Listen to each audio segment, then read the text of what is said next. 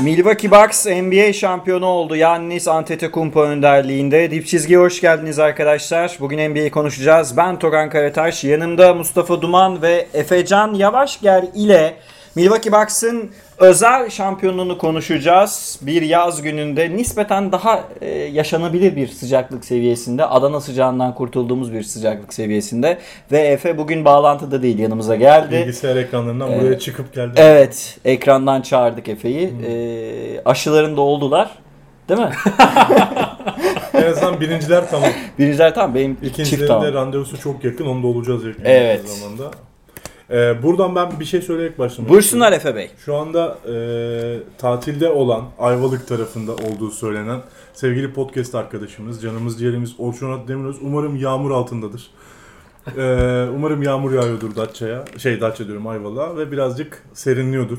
Bütün temennimiz o. Çünkü neden? Arkadaş insan bu kadar fotoğraf atabilir mi bize ya? Görmüşsüz. sıkılıyor burada. Görmüşsün işte. güzel güzel manzaralar bir şeyler. Bir de kendisi söyledi hani bana da selam çakın. tabii tabii tabii. Böyle bir selam çakalım.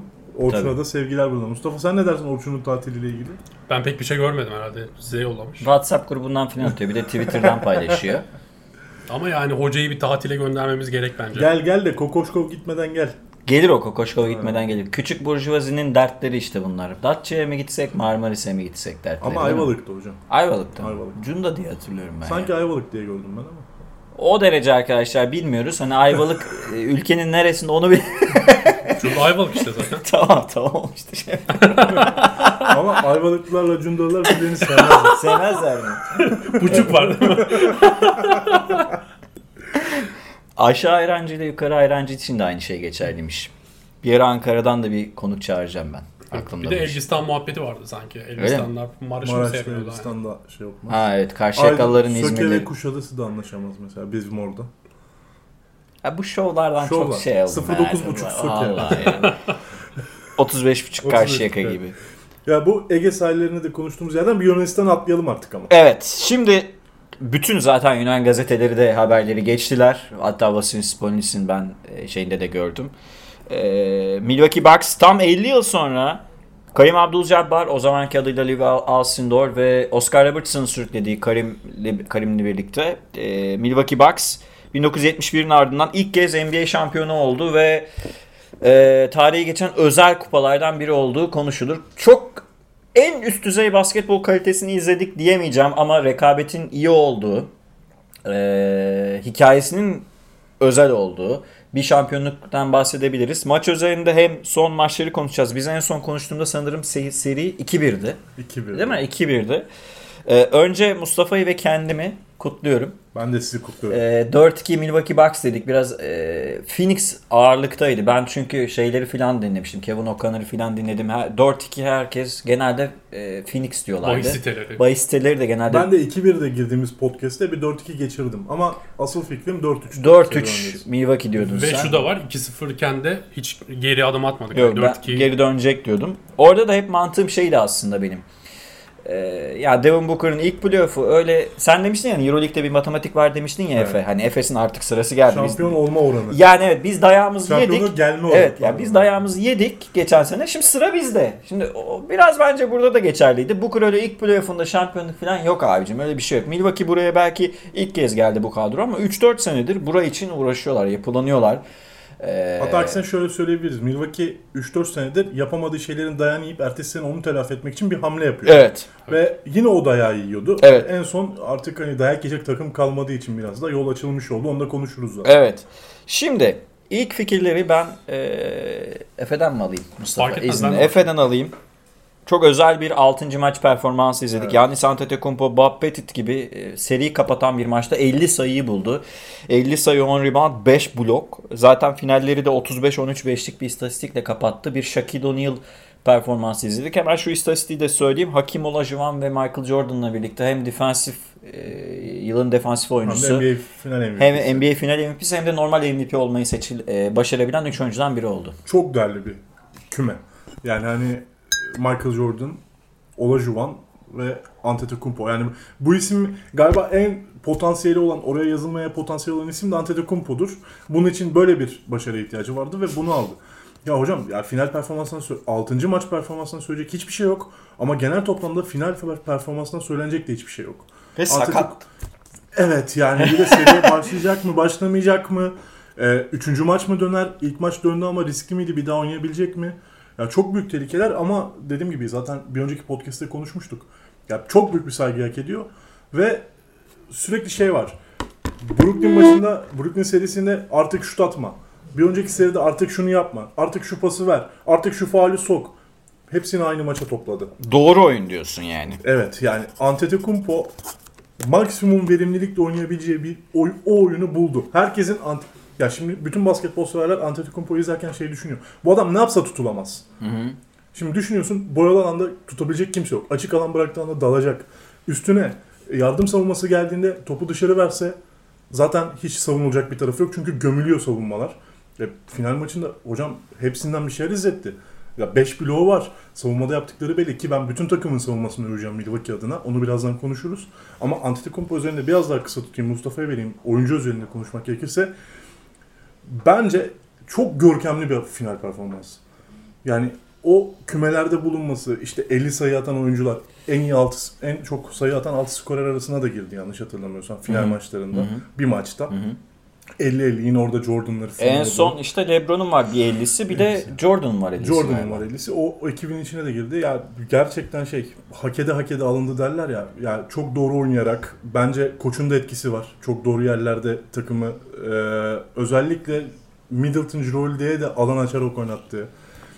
Ben genel toplamı birazdan konuşmak istiyorum ama şeyi de fark ettiniz değil mi? Milwaukee'de kimin topu alacağı bile belliydi. Yani hücum organizasyonlarında son çeyrekte hem 5. maçta hem 6. maçta Middleton'a son topları nasıl verdiler mesela? Evet. Ya bu olması gereken her şeyi yaptı Antetokounmpo da böyle bir yerde hocam. Bulunmaz nimet ya. Hint kumaşı gerçekten öyle. Zaten bu şekilde oynadığı zaman, oyunu doğru oynadığı zaman mesela Westbrook'un 15 senedir öğrenemediği şeyi e, Antetokounmpo'nun 3 senede öğrendiğini Westbrook görüyoruz. senede 3 kez oynuyor böyle. Ha. Diyorsun ki abi bu herif böyle oynarsa çok iyi. Antetokounmpo bunu oynayabiliyor. Ve sürekli, Sürekli. istikrarlı bir şekilde. Mustafa sana dönerken şunu söylemek istiyorum. Ee, Middleton ve yani Antetokounmpo'nun bu Milwaukee'deki ilk sezonları 2013-2014 sezonunda 15 galibiyeti vardı. Takım olarak 15 galibiyet aldılar. Şu an playofflarda sadece 16 galibiyet aldılar. Yani zaten şampiyon olmak için 16 galibiyet almak zorundasın teknik olarak. Ee, ve ben bundan bir iki sene önce bir yazı yazmıştım işte Milwaukee ne yapabilir ne edebilir diye. Budenholzer'ın gelişiyle birlikte çok doğru bir yapılanmaya gittiler. Yannis'in etrafında 4 şutör ama bir şey eksikleri vardı. Yani bir e, guard pozisyonunda özellikle Brogdon gittikten sonra iyice eksilmişlerdi. Oraya gelen bir Drew Holiday var. Drew Holiday, Middleton, e, Yannis bazı maçlarda en azından her zaman olmasa da bazı maçlarda bir Big Three gibi oynadılar ve bu Big, Big Three Yannis'in tabii ki çok görkemli performansıyla birlikte şampiyonluğu getirdi gibi görünüyor. Sen ne diyorsun?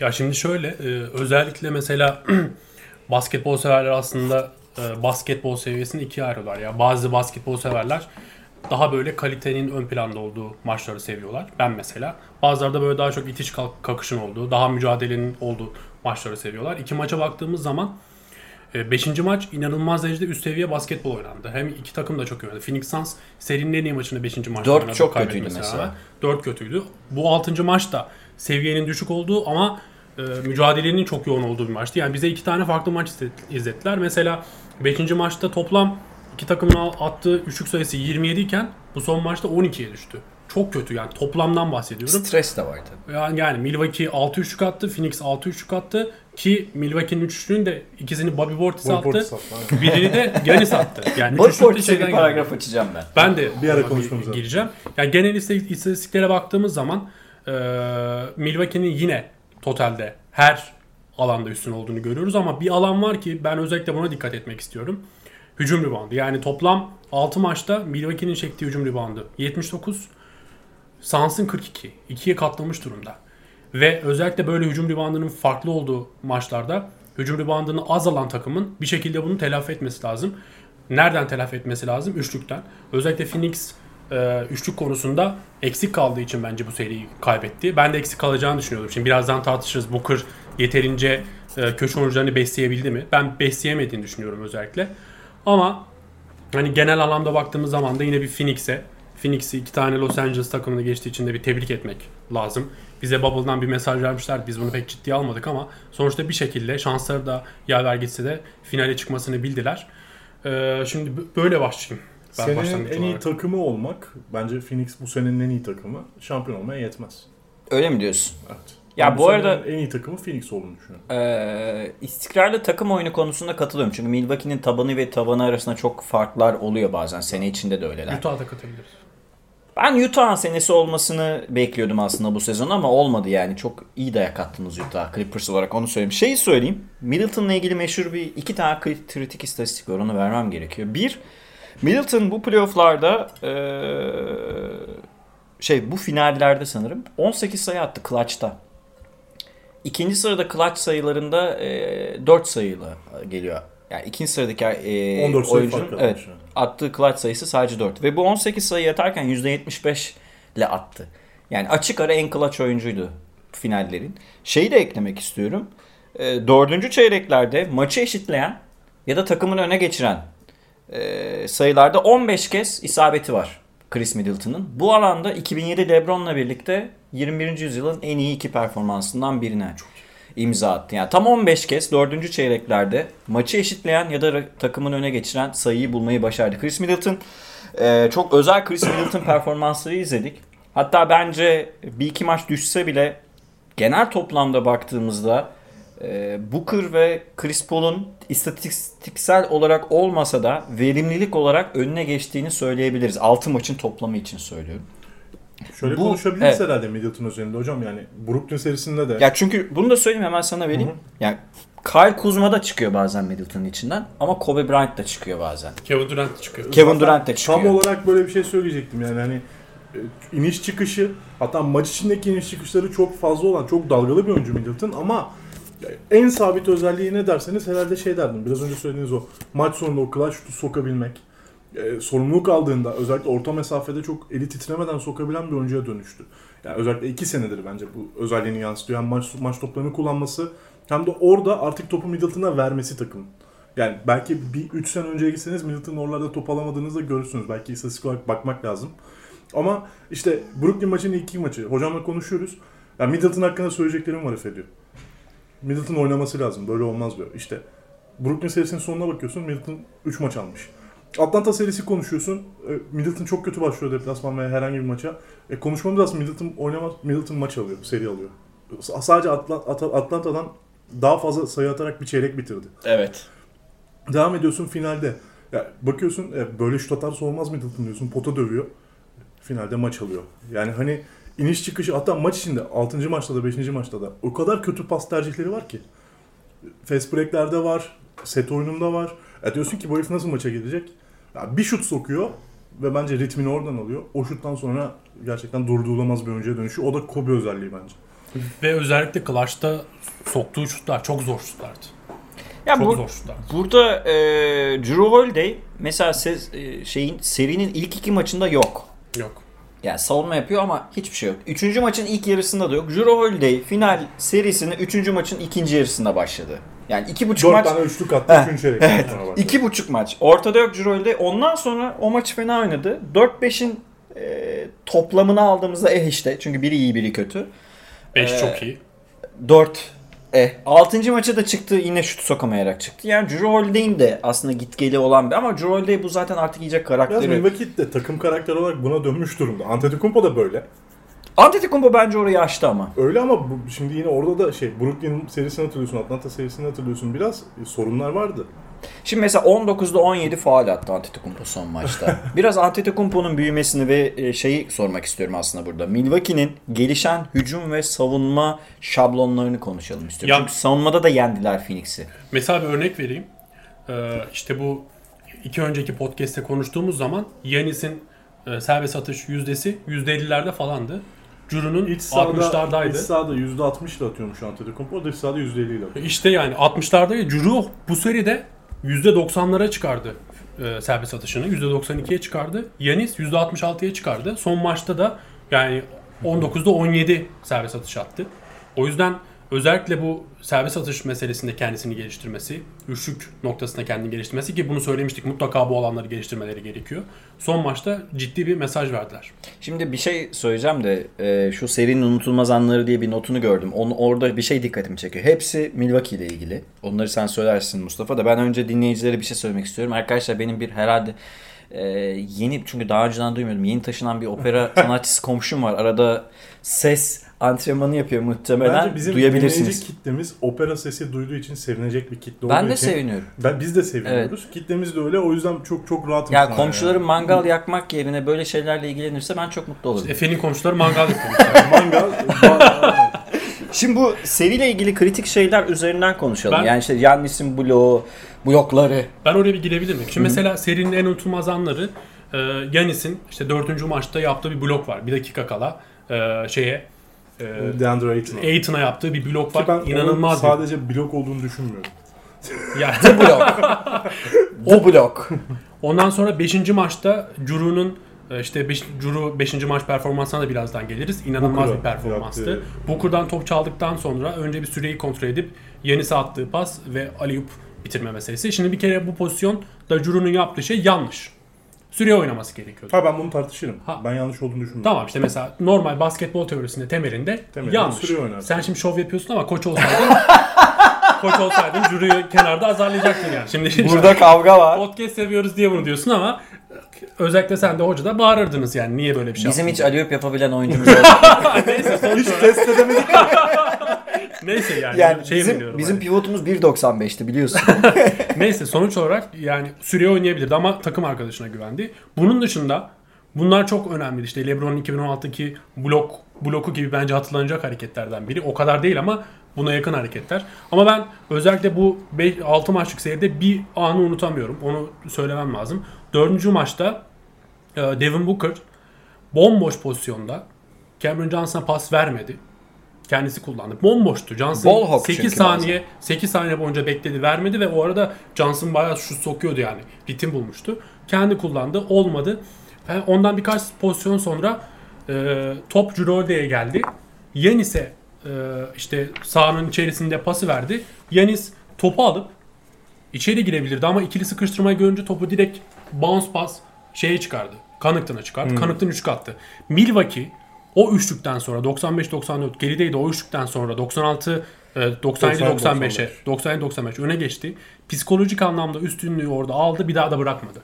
O pozisyon çok önemliydi. Yani Yanis'in kendi takım arkadaşına güvenmesi, Booker'ın kendi takım arkadaşına güvenmemesi ki ben özellikle söylüyorum Clippers serisine çok Phoenix'i Güvenmiyor yakında- mu? Güvenmediği için mi? Çünkü e, Cam Johnson, özür diliyorum araya girdim. Cam Johnson PJ Tucker'dan daha iyi köşe üçlükçüsü demiştik biz bu daha önce burada kayıtlarda. Güvenmediği için mi yoksa oyun karakteri öyle olduğu için mi? Hem oyun karakteri Bence köşede başka bir oyuncu olsa da vermeyecekti. Cam Johnson'la ilgili değil o Tam bence. o noktaya geleceğim zaten. Bence Phoenix'in X faktörü Cam, Cam Johnson olabilirdi. Ama yani ben Phoenix'te şunu gözlemliyorum. Yani gerçekten çok kaliteli oynuyorlar ama Chris Paul'la sanki Devin Booker köşe oyuncularına çok zor anda kaldıklarında pas veriyorlarmış gibi hissediyorum. Bu da abi bu adamlar niye oynuyor o zaman?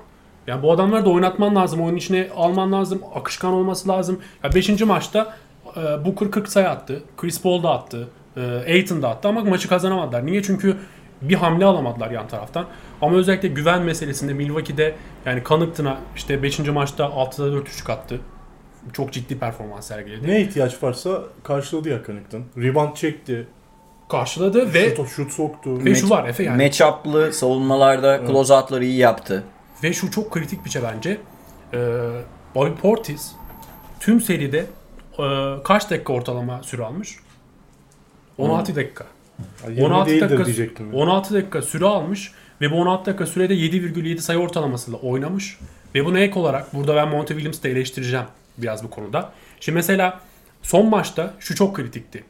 İkinci çeyrekte ve dördüncü çeyrekte Bobby Portis işte ikinci çeyrekte mesela iki tane üstte üçlük attı. Gerçekten finali yaşıyordu. Ve Budenholzer Hoca onu kenara almadı. Dördüncü çeyrekte de aslında maçı Hatta verebilirdi. şuna rağmen yaptı. Hani 3 uzunla kalmak uğruna yaptı. Aynen. Antetokounmpo, Brook Lopez, Bobby Portis'i 3'e çekerek oynadı. Aynen Bobby Portis'i 3'te oynattı. Neden? Çünkü final heyecanını yaşıyor- yaşıyordu ve ona güvendi. Bir şekilde bunun katkısını da aldı. Ki Aslında maçı verebilirdi topta de. tepeden şutu soktu. İki O- tane şeyde, aynen. soktu. İki tane üstü üçlük soktu ve o ara mesela Milwaukee inanılmaz derecede hani işte inmişti seviyesi inmişti. İkinci çeyrek çok kötü oynadı son maçın ikinci çeyreği. Beşinci maçta da Milwaukee ikinci çeyreği çok iyi oynamıştı. Yani şunu anlatmaya çalışıyorum. Abi Cameron Payne bak şunu. Saric de yokken. Gerçekten Cameron Payne iyi oynadı.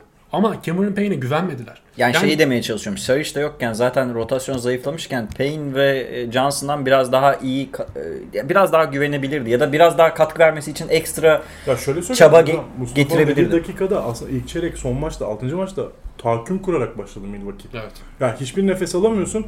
Chris Paul ve Booker'ı oyundan aldı. Hatta Booker'ı oyundan aldı doğrudan.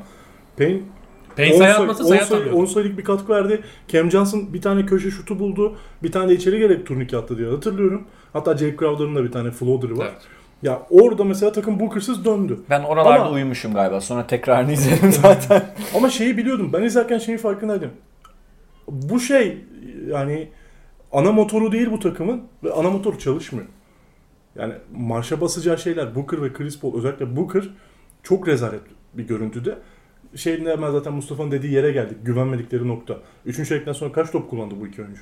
Kullanmadılar İşte. yani. Düzgün Ya hani- yani destek almalılar ki Cameron Payne ilk çeyrekte olmasaydı Milwaukee düzgün şey Phoenix Maç düzgün 30'a sayı gidiyordu ya, bulamıyordu. 30'a Aynen, gidiyordu maç. gidiyordu. Şimdi Milwaukee'nin yaptığı savunma şeyine bakalım. Chris Paul üzerinden hem switch'le hem de o gerektiğinde drop'la Chris Paul'un ikili oyununu seri ilerledikçe çok daha iyi savundular. Aynı şekilde Booker bu Budenholzer Hoca biraz e, biz de eleştirdik ama şunu görmüş.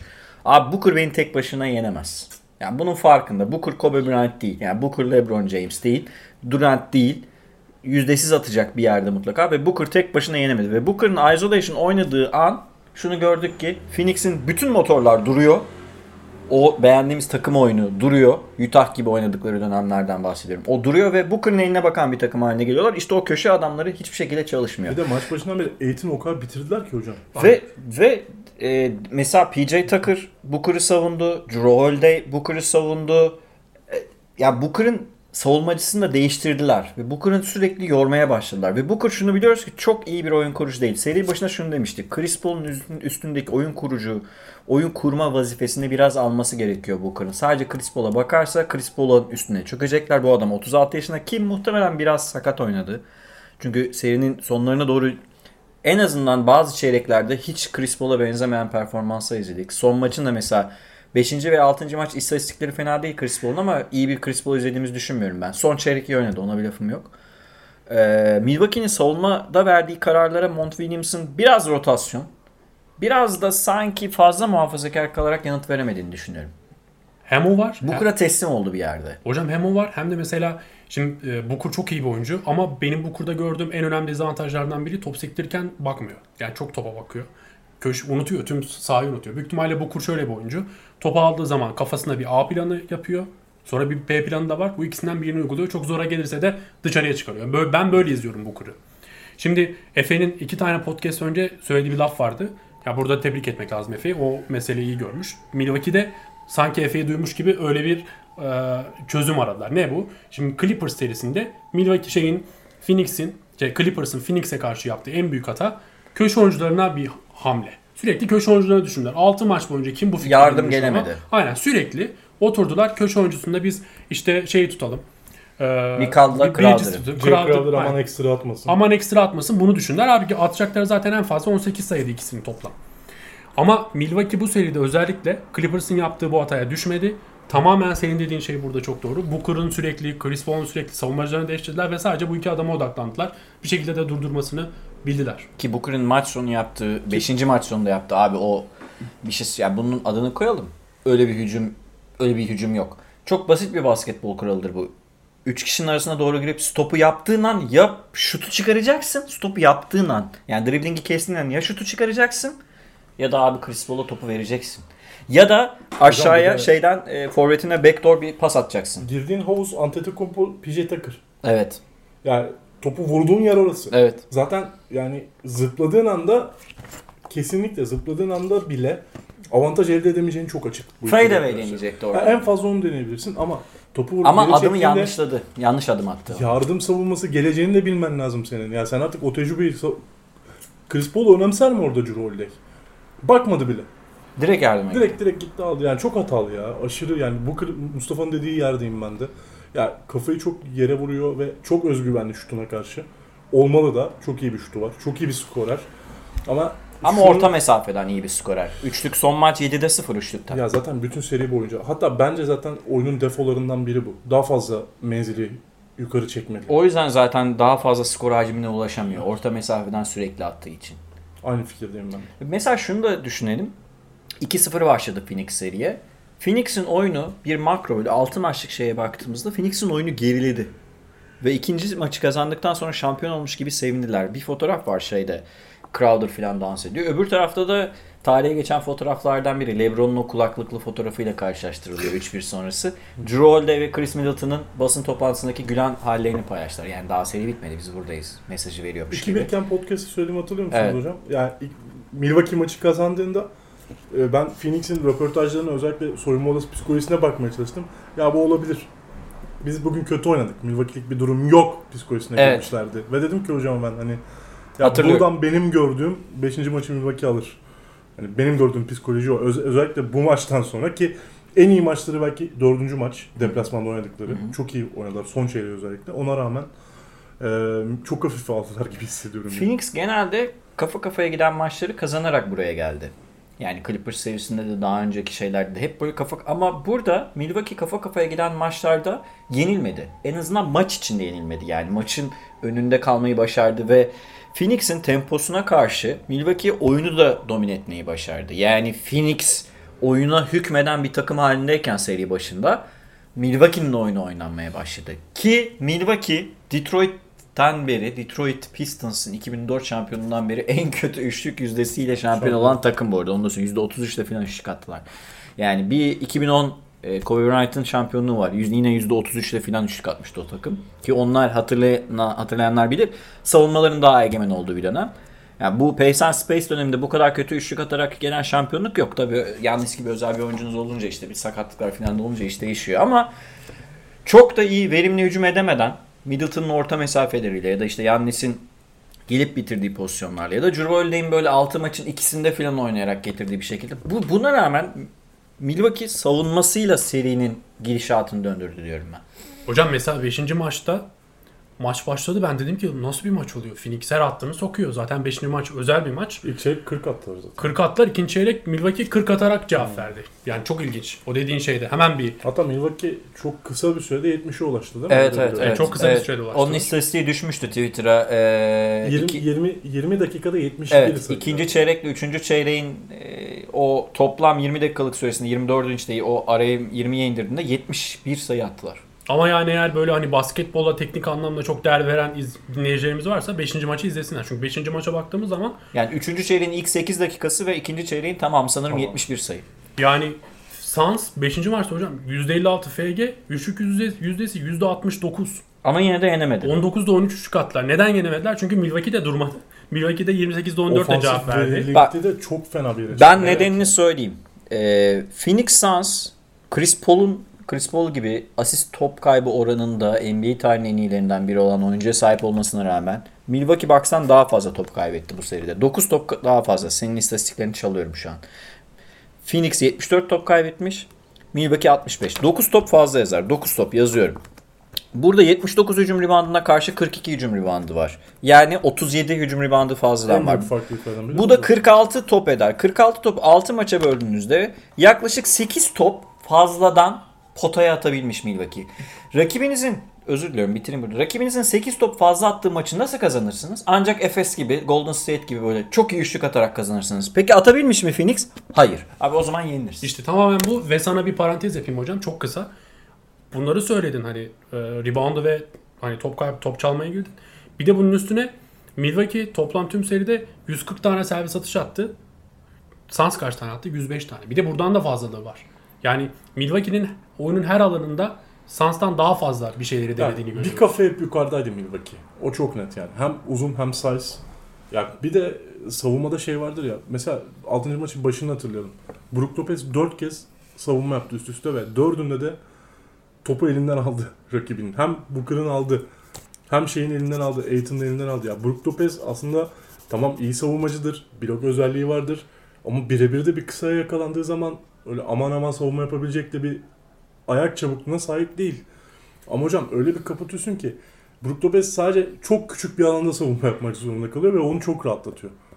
Ya Brook Lopez'i tepeye koşturmuyorsun. Nerede olacağı çok belli çünkü ya çok çeşitli bir ön alanın var. PJ Tucker'ı öne atabiliyorsun. Cirolli'yi geri atabiliyorsun. Ante yukarıda kaldığında Booker'ı kovalayıp blok vurabiliyor Cirolli. Cirolli çünkü uzun savunabilen bir oyuncu. Evet ya çok alternatifli Mismatch ve değil. hocam bu sefer işte Brook Lopez'i çok rahatlatıyorsun. Bu sefer işte kim oynuyorsa orada Connington mı? Connington çok rahat yardıma gidebilir. Zaten Drew Holiday ve e, Yannis ikilisi artı eksi de en iyi duo oldular. En iyi ikili oldular bu final serisinde. Artı 50 falan. Ya hocam zaten ya hepsi bu arada ayrı ayrı çok iyi savunmacılara sahip bir takım.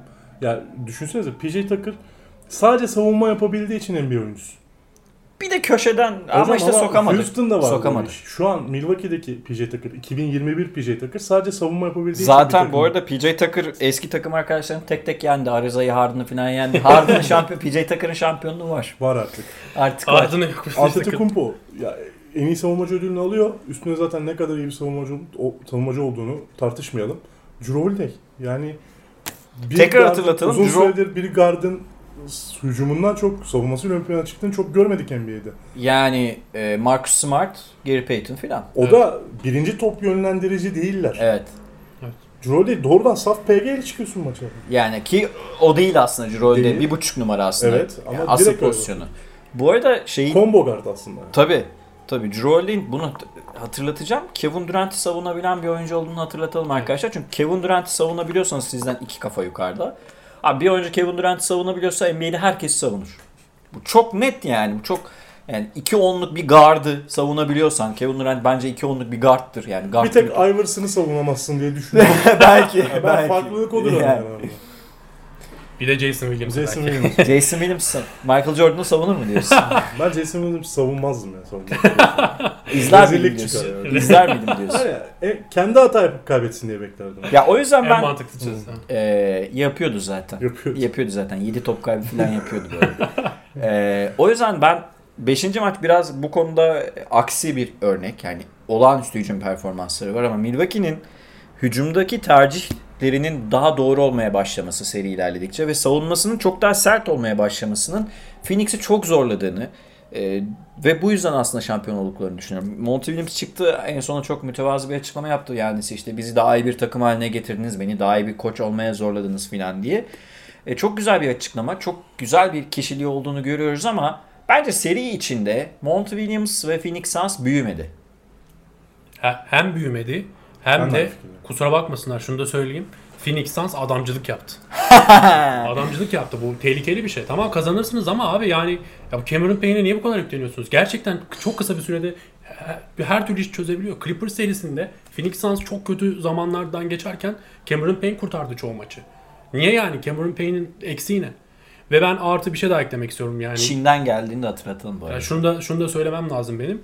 Ee, genel aslında seriye baktığımız zaman hani PJ Tucker, Brook Lopez falan iyi top oynamadı. Oynamadı. Yo zaten genel Oynamadı toplamda yani. değiller. O yüzden Ama aslında iki- Phoenix avantajlıydı be- belli noktalarda. Hatta 5. maçta cidden kazanabilirlerdi de. Ama işte çok ufak faktörler bazı şeyleri çözdü. Şimdi şu iki yan parçayı konuşalım. Konuşacağız dedik zaten. Birinden biraz bahsettik. Kanatını, şimdi bir kere kanatın DiVincenzo yok. Ya DiVincenzo ne yapıyor? Bu takımda savunma yapıyor. 3 gibi oynuyor biraz Trailer aslında. şutunu atar. gibi. Trailer şutunu atar ve hani çok savunmayı da ayağa kaldırır böyle. Hareketli bir savunmacıdır. İşte top çalar filan. Ve e, sevilen de bir karakter. Zaten üniversitede filan da çok sevilen bir karakter DiVincenzo. Özel bir oyunculardan biri. Biraz böyle Polzeko gibi bir şeyi var. Böyle saha içinde böyle e, kabadayılıklarını da görebiliyorsunuz. DiVincenzo yok. Önemli eksik. Çok. Kanıtın girdi. İlk 5'e yerleşti ve e, aslında maçı da kapatan oyunculardan biri haline geldi. Çünkü PJ Tucker kanıtın kapatıyor genelde maçı. O Big Three'ye yardımcı olacak şekilde. Ve e, üçlük atması gerektiğini söylediler. Köşeden meşeden bir şekilde üçlüyü buldu. Ve galiba Milwaukee'nin en, en, en yüzde üçlük atan oyuncularından biri. Kaçta atıyordu? Yüzde 45 mi? Yani toplam şeye baktığımız zaman e, evet %45 üçlük Yüzde attı. 45'e üçlük attı. Savunmada kanıtın aksadı mı? Böyle yani zayıf halka. Yok. Çok kötü. Bazen, bazen. Birkaç pozisyon Birkaç pozisyon. çok ekstra Evet. yani. Evet. Ee, demek ki Milwaukee Bucks ekstra katkı alacak bir oyuncu çıkarmış. Bir kere burada Connaughton'un önemli katkı verdiğini söyleyeyim. Diğer şeye gelelim. Bobby Portis'i konuşalım. Şimdi geçen sene ne de ben bazı oyuncuları severim ve Mustafa ba- pek bana anlam vermez böyle. Hocam bunu niye seviyorsun filan. der. Bu oyuncunun burada ne işi var filan der. Ee, mesela TJ McConnell. Bence önemli oyuncu. Geçen sene Caruso'nun verdiği o savunmadaki ekstra katkı yani savunmadaki X faktörü olma özelliğini Bobby Portis'in hücumda verdiğini görüyoruz. Yani şampiyon olan takımda X faktör katkısını ya hücumda ya savunmada vermek almak zorundasınız. Çünkü Mesela Milwaukee'de ekstra bir savunma X faktörüne gerek yok. gerek yok. Phoenix'te bu var mıydı? Hayır Phoenix'te bu yoktu. Phoenix bir X faktör oyuncu çıkaramadı final serisinde. Ama Bobby Portis sen mesela maç oluyor arkadaşlar Mustafa bana mesaj atıyor. Hocam seneye Bobby Portis fantezide yine alınır. Hocam 17 dakikada 16 sayı attı. sonra. Adam giriyor 10, 10 dakikada 15 sayı 5 rebound yapılıyor falan ve takımı ayağa kaldırıyor. Bu önemli bir özellik yani. Takımın momentum kazanması. Gizli İğmelen- bir abilik yapıyor. Son 6. maçta gizli bir abilik yaptı. Biraz o da kabadayıdır. Kabadayı tabii canım, manyak Zaten. Milotic'le kavgasını falan hatırlarsınız. Tabii. yani. Chris Paul'la da 6. maçta Chris kavga Paul'la, etti ama t- tribün de çok seviyor Bobby Portis'i. Ve özellikle 6. maçta ikinci çeyrekte Milwaukee inanılmaz düştü. Yani Phoenix acayip tokatladı Milwaukee'yi. Orada Bobby Portis böyle bayağı çekti çıkardı Milwaukee'yi. Hem tribünü oyuna kattı hem de o bulduğu iki tane üçlükle birlikte Milwaukee'yi hareketlendirdi. Çok Ki orada mesela. Connington şutu girmiyordu. Evet. Zaten maçı da 8'e 0'la mı kapattı? 7'e Evet, 0'la çok mı? Ee, bu tip anlarda yani dayak yerken oyun üstünlüğünü vermişken skorda kalmak Phoenix ve Utah Jazz'ın özelliklerinden biriydi bu sene. Ama bu final serisinde gördük ki Şaric'in sakatlığı sonrası Kaminski ile oynamak oynamamak. Cam Johnson'la mı oynayalım Kaminski ile mi oynayalım? Kararı sonradan Kaminski'ye döndü gerçi ama Cam Johnson biraz şeyin dışında kaldı. En azından dakikaları bence tuhaflaştı. Ee, kadro içerisinde yeni bir yanıt yaratamadı Mont Williams Hoca. Bu biraz rotasyonla da ilgili anlıyorum. Ama şunu da buraya yazmak gerekiyor. Şimdi bak final oynuyorsunuz. Chris Paul 16 senelik Chris Paul'un şeyine de gelmek istiyorum bu arada ama Chris Paul'a daha sonra geleceğim. Ee, 16 senelik kariyerinde ilk kez final oynuyor Chris Paul. Sakat oynuyor ve bu bir daha bu şans gelir mi bilmiyorum. Yani bilmiyoruz bunu. Bir daha bu şans gelecek mi gelmeyecek mi bilmiyoruz ve En bence azından benim fikrim şey yani kendinden daha iyi bir oyuncuyla oynamadıkça Bunu konuşacağım. olarak Bunu özel olarak sonda bir iki sorum var benim. Bunu konuşacağım. Ee, Yannis ne yaptı abi? Bazen final maçlarında, final serisinde şöyle bir şeye ihtiyacınız olur. Çok tıkanır. Yani çok emek vermişsinizdir. Bazen sezon bir rebound'a bile bakabilir. Çok emek vermişsinizdir ve yıldız oyuncunuz çıkar. Hayır. Bu seri uzamayacak. Ben her şeyimi her şeyimi vereceğim ve bu maçı burada bitireceğim. Yannis Antetokounmpo 3. maçtan itibaren tam olarak bunu yaptı. 4 maç üst üste her şeyini verdi. Ve doğru oyunu oynayarak verdi. 50 sayı mı gerekiyor? Tamam 50 sayı atacağım. faal mi sokacağım? Faal mi gerekiyor? Faal de sokacağım. Tam burada bir parantez yapayım. Hocam 6. maçın İşte başlangıcında... Phoenix'te bunu göremedim. Hem bunu göremedik. Hocam bir de 6. maçın başlangıcında e, Efe hatırlar. Yani Mikal bir dakika geçti sanırım. Bir fast bire kaldı. Şeye gidiyor. Bomboş turnikeye gidiyor. Ya Yanis bir geri koştu. Hani öyle bir blok vurdu ki şu mesajı verdi. Ben buradayım abi. Bir saniye. Yani tamamen hazırdı. Her şey hazırdı. Potaya gitmeden sayı çıkmayacağı da düşünülüyordu ilk 5 dakika zaten. Kimse şut atamıyor. Eller titriyor falan. Orada çok büyük bir mesaj yani. Psikolojik Çok büyük olarak. mesaj verdi. Cameron Payne oyuna girene kadar da aşamadılar onu. Aşamadılar evet. Peki eee Yannis'in bu arada dominantlığı istatistiki olarak işte Will Chamberlain, Shaquille O'Neal'la benziyor ama tabii Yannis'in oyunuyla Shaq'ın oyunu biraz farklı yani. Yannis adımlayarak gelen. Tamam Yannis arkadaşlar 35 sayı, 13 rebound, 5 ist- asistle bitirdi finalleri. Playoff'ları da 30-13-5 ile bitirdi yani. Finallerde normal istatistiğin de üstüne çıktı. Playoff'un da üstüne çıktı. İşte bu süper yıldız olmak böyle bir şeydir. Playoff'ta iyi oynayıp yani normal sezonda iyi, playoff'ta daha iyi, finallerde en iyi. Bu süper yıldızların yapabileceği bir şey. Ee, Shaq da şimdi aynı şey. Shaq adımlayarak bitiren bir oyuncu değildi. Yannis şu istatistiği verelim. Paint'ten yani o boyalı alandan 31 sayı ortalamayla oynadı. Bu şu demek yani Yannis Ne sayılarını yaptı? topu potaya gömerek oynadı ve doğru oynaması gerektiğinin farkına vardı. Yani orta mesafede En tutulamayacağı yeri bilerek. seçti. Evet, Yani. orta mesafeden şey yapmayalım. Hani üçlük denemeyelim. Yani Antetokounmpo'nun yapması gereken şey ne? O spin move'unu yapıp veya işte adımlayıp fuleli bir şekilde e, dönerek topu potaya sokması. Bunu bu mesela bu çoğu oyuncu bunu kabul etmez. Antin kuntin şeyler denemeye çalışır ve Yannis daha 26 yaşında genç olduğunu düşünün. Henüz 30'unda falan değil. O olgunlukta oynamayabilir ama olgun oynadı. Ve bir şekilde hem kendisi buna ikna olmuş, böyle oynaması gerektiğini, şampiyon olmak için böyle oynaması gerektiğini ikna olmuş ve böyle oynayarak oyunu domine etmesi gerektiğini ikna olmuş ve takım da ona uyum sağlamış ve aynı şekilde koç da ve tabii staff da ikna etmiş yani Antetokounmpo'yu. Bununla birlikte Yannis'in bayağı pasın, asistin pasını verdiğini de görüyoruz. Yani sadece asist istatistiği fena, 5 asist hiç fena değil ama sıkıştığı anlarda oyunu zorlayan bir Yannis Antetokounmpo yok artık. Bunlar ilk kez All-Star seçildiğinde mesela 3 sene önce filan Yannis çok oyunu zorlayan, normal sezonda oynayan ama üzerine bir plan kurulduğunda e, bayağı böyle eriyip giden Brad Stevens'ın Boston hemen aklıma geliyor mesela ve ve sinirlenen hani bozulan maç satmaya başlayan bir oyuncuyken hayır oyunu daha e, olması gerektiği gibi oynayıp takım arkadaşları için en efektif şekilde gerektiğinde topu dışarı çıkarıp gerektiğinde topun ona ikinci kez dönmesini bekleyip yani Middleton'dan top bana gelsin. Koşuyu da yapıp. Koşuyu da yapıp e, bir olgun süperstar performansı gösterdi. Aslında bu çok özel bir şey. Ya işte o pasın asistini yapması da şeyle ilgili. Yanis'in o pası vermesiyle oyun bitmiyor Milwaukee'de de. Yani tepe oyuncuları da çok bilinçli hücum ettiler. Ya hem Holiday hem Middleton kendileri boş pozisyonda olmadığında e, boşu görmekte çok hızlı davrandılar çoğu sefer. Bence Connington'ın falan hatta Bobby Portis'e o topun dönme hızını düşününce çok akılcı bir final oyunuydu. Yani eski Yanis olsaydı e, işte iki penetreden sonra eğer sayı bulmasaydı işte fadeaway'ler de deneyecekti. Ama 6. maçta bunu yapmadı. Ya şöyle Yanis'in hocamın dediği senelerde özellikle Boston'ın Yanis'i bitirdiği senelerde şey vardı. Yanis'i normal sezonda bu pas oyunu çözmüştü. Hatta biz de podcastlerde sürekli tartışıyorduk. Hocam artık alanı görüyor. Çok tehlikeli bir oyuncuya dönüşmeye başladı. Ama orada şöyle bir sorun vardı. Her şey Yanis'in pas atmasıyla bağlıydı Milwaukee için. Ve Boston çöküp Yanis'e o pası attırmadığında zaten içeriği kapatıyor. Hiçbir oyun planı yoktu. Yanis bu sefer ne yaptı? Hocamın dediği gibi. Topu önceden bıraktı. ikinci koşuyu yapmaya başladı. Boş alana doğru kendi sırtını vererek oynadı. O spin move'unu yaptıktan sonra ilk tercihi çok bilinçli bir şekilde pas mı vermesi gerekiyor, topu potaya mı atması gerekiyor çok hızlı seçti hocam. Karar saniyeleri çok azalmaya başladı. Yani o serilerde düşünün. Ben şey hatırlıyorum. Yaklaşık 10-12 saniye top boyalı alanda ve Yanis cebelleşiyor. O vuruyor, bu vuruyor. Smart arkadan dalıyor falan. Yani böyle bir şey izin vermedi. Dedik yani bana bulaşmayın. Ben dönenleri alacağım zaten. Ki hücum ribatlarından da ortaya çıkıyor. Başkasının atmasına izin verdi ama sürekli potada. Yani şeyin farkına vardı. Herkesten daha güçlü ve daha uzun hatta daha bitirici bir oyuncu olduğunu pot altında farkına vardı. Çok dominant bir performans izledik zaten. Tüm zamanlara giren bir performans izledik. Ben burada e, şeyi sormak istiyorum. E, şeyden başlayalım. Bu mağlubiyet Chris Paul'un mirası için tam olarak ne ifade eder? Yani Steve Stephen Smith dedi ki eğer Chris Paul finali kazanamazsa ben onu tüm zamanlarda ilk 5'e yazmam dedi. İşte onun ilk 5'inde Magic Johnson, Oscar Robertson, Steph Curry, e, Isaiah Thomas falan var. Beşinci de işte Jason Kidd ya da işte Stockton falan olabilir şeklinde düşündü. E, veya işte Nash diyelim. Nash'i saymadı ama herhalde Nash'i de oralarda görüyordu. Chris Paul eğer finali kazanamazsa bence tüm zamanlarda ilk 5'e giremez dedi.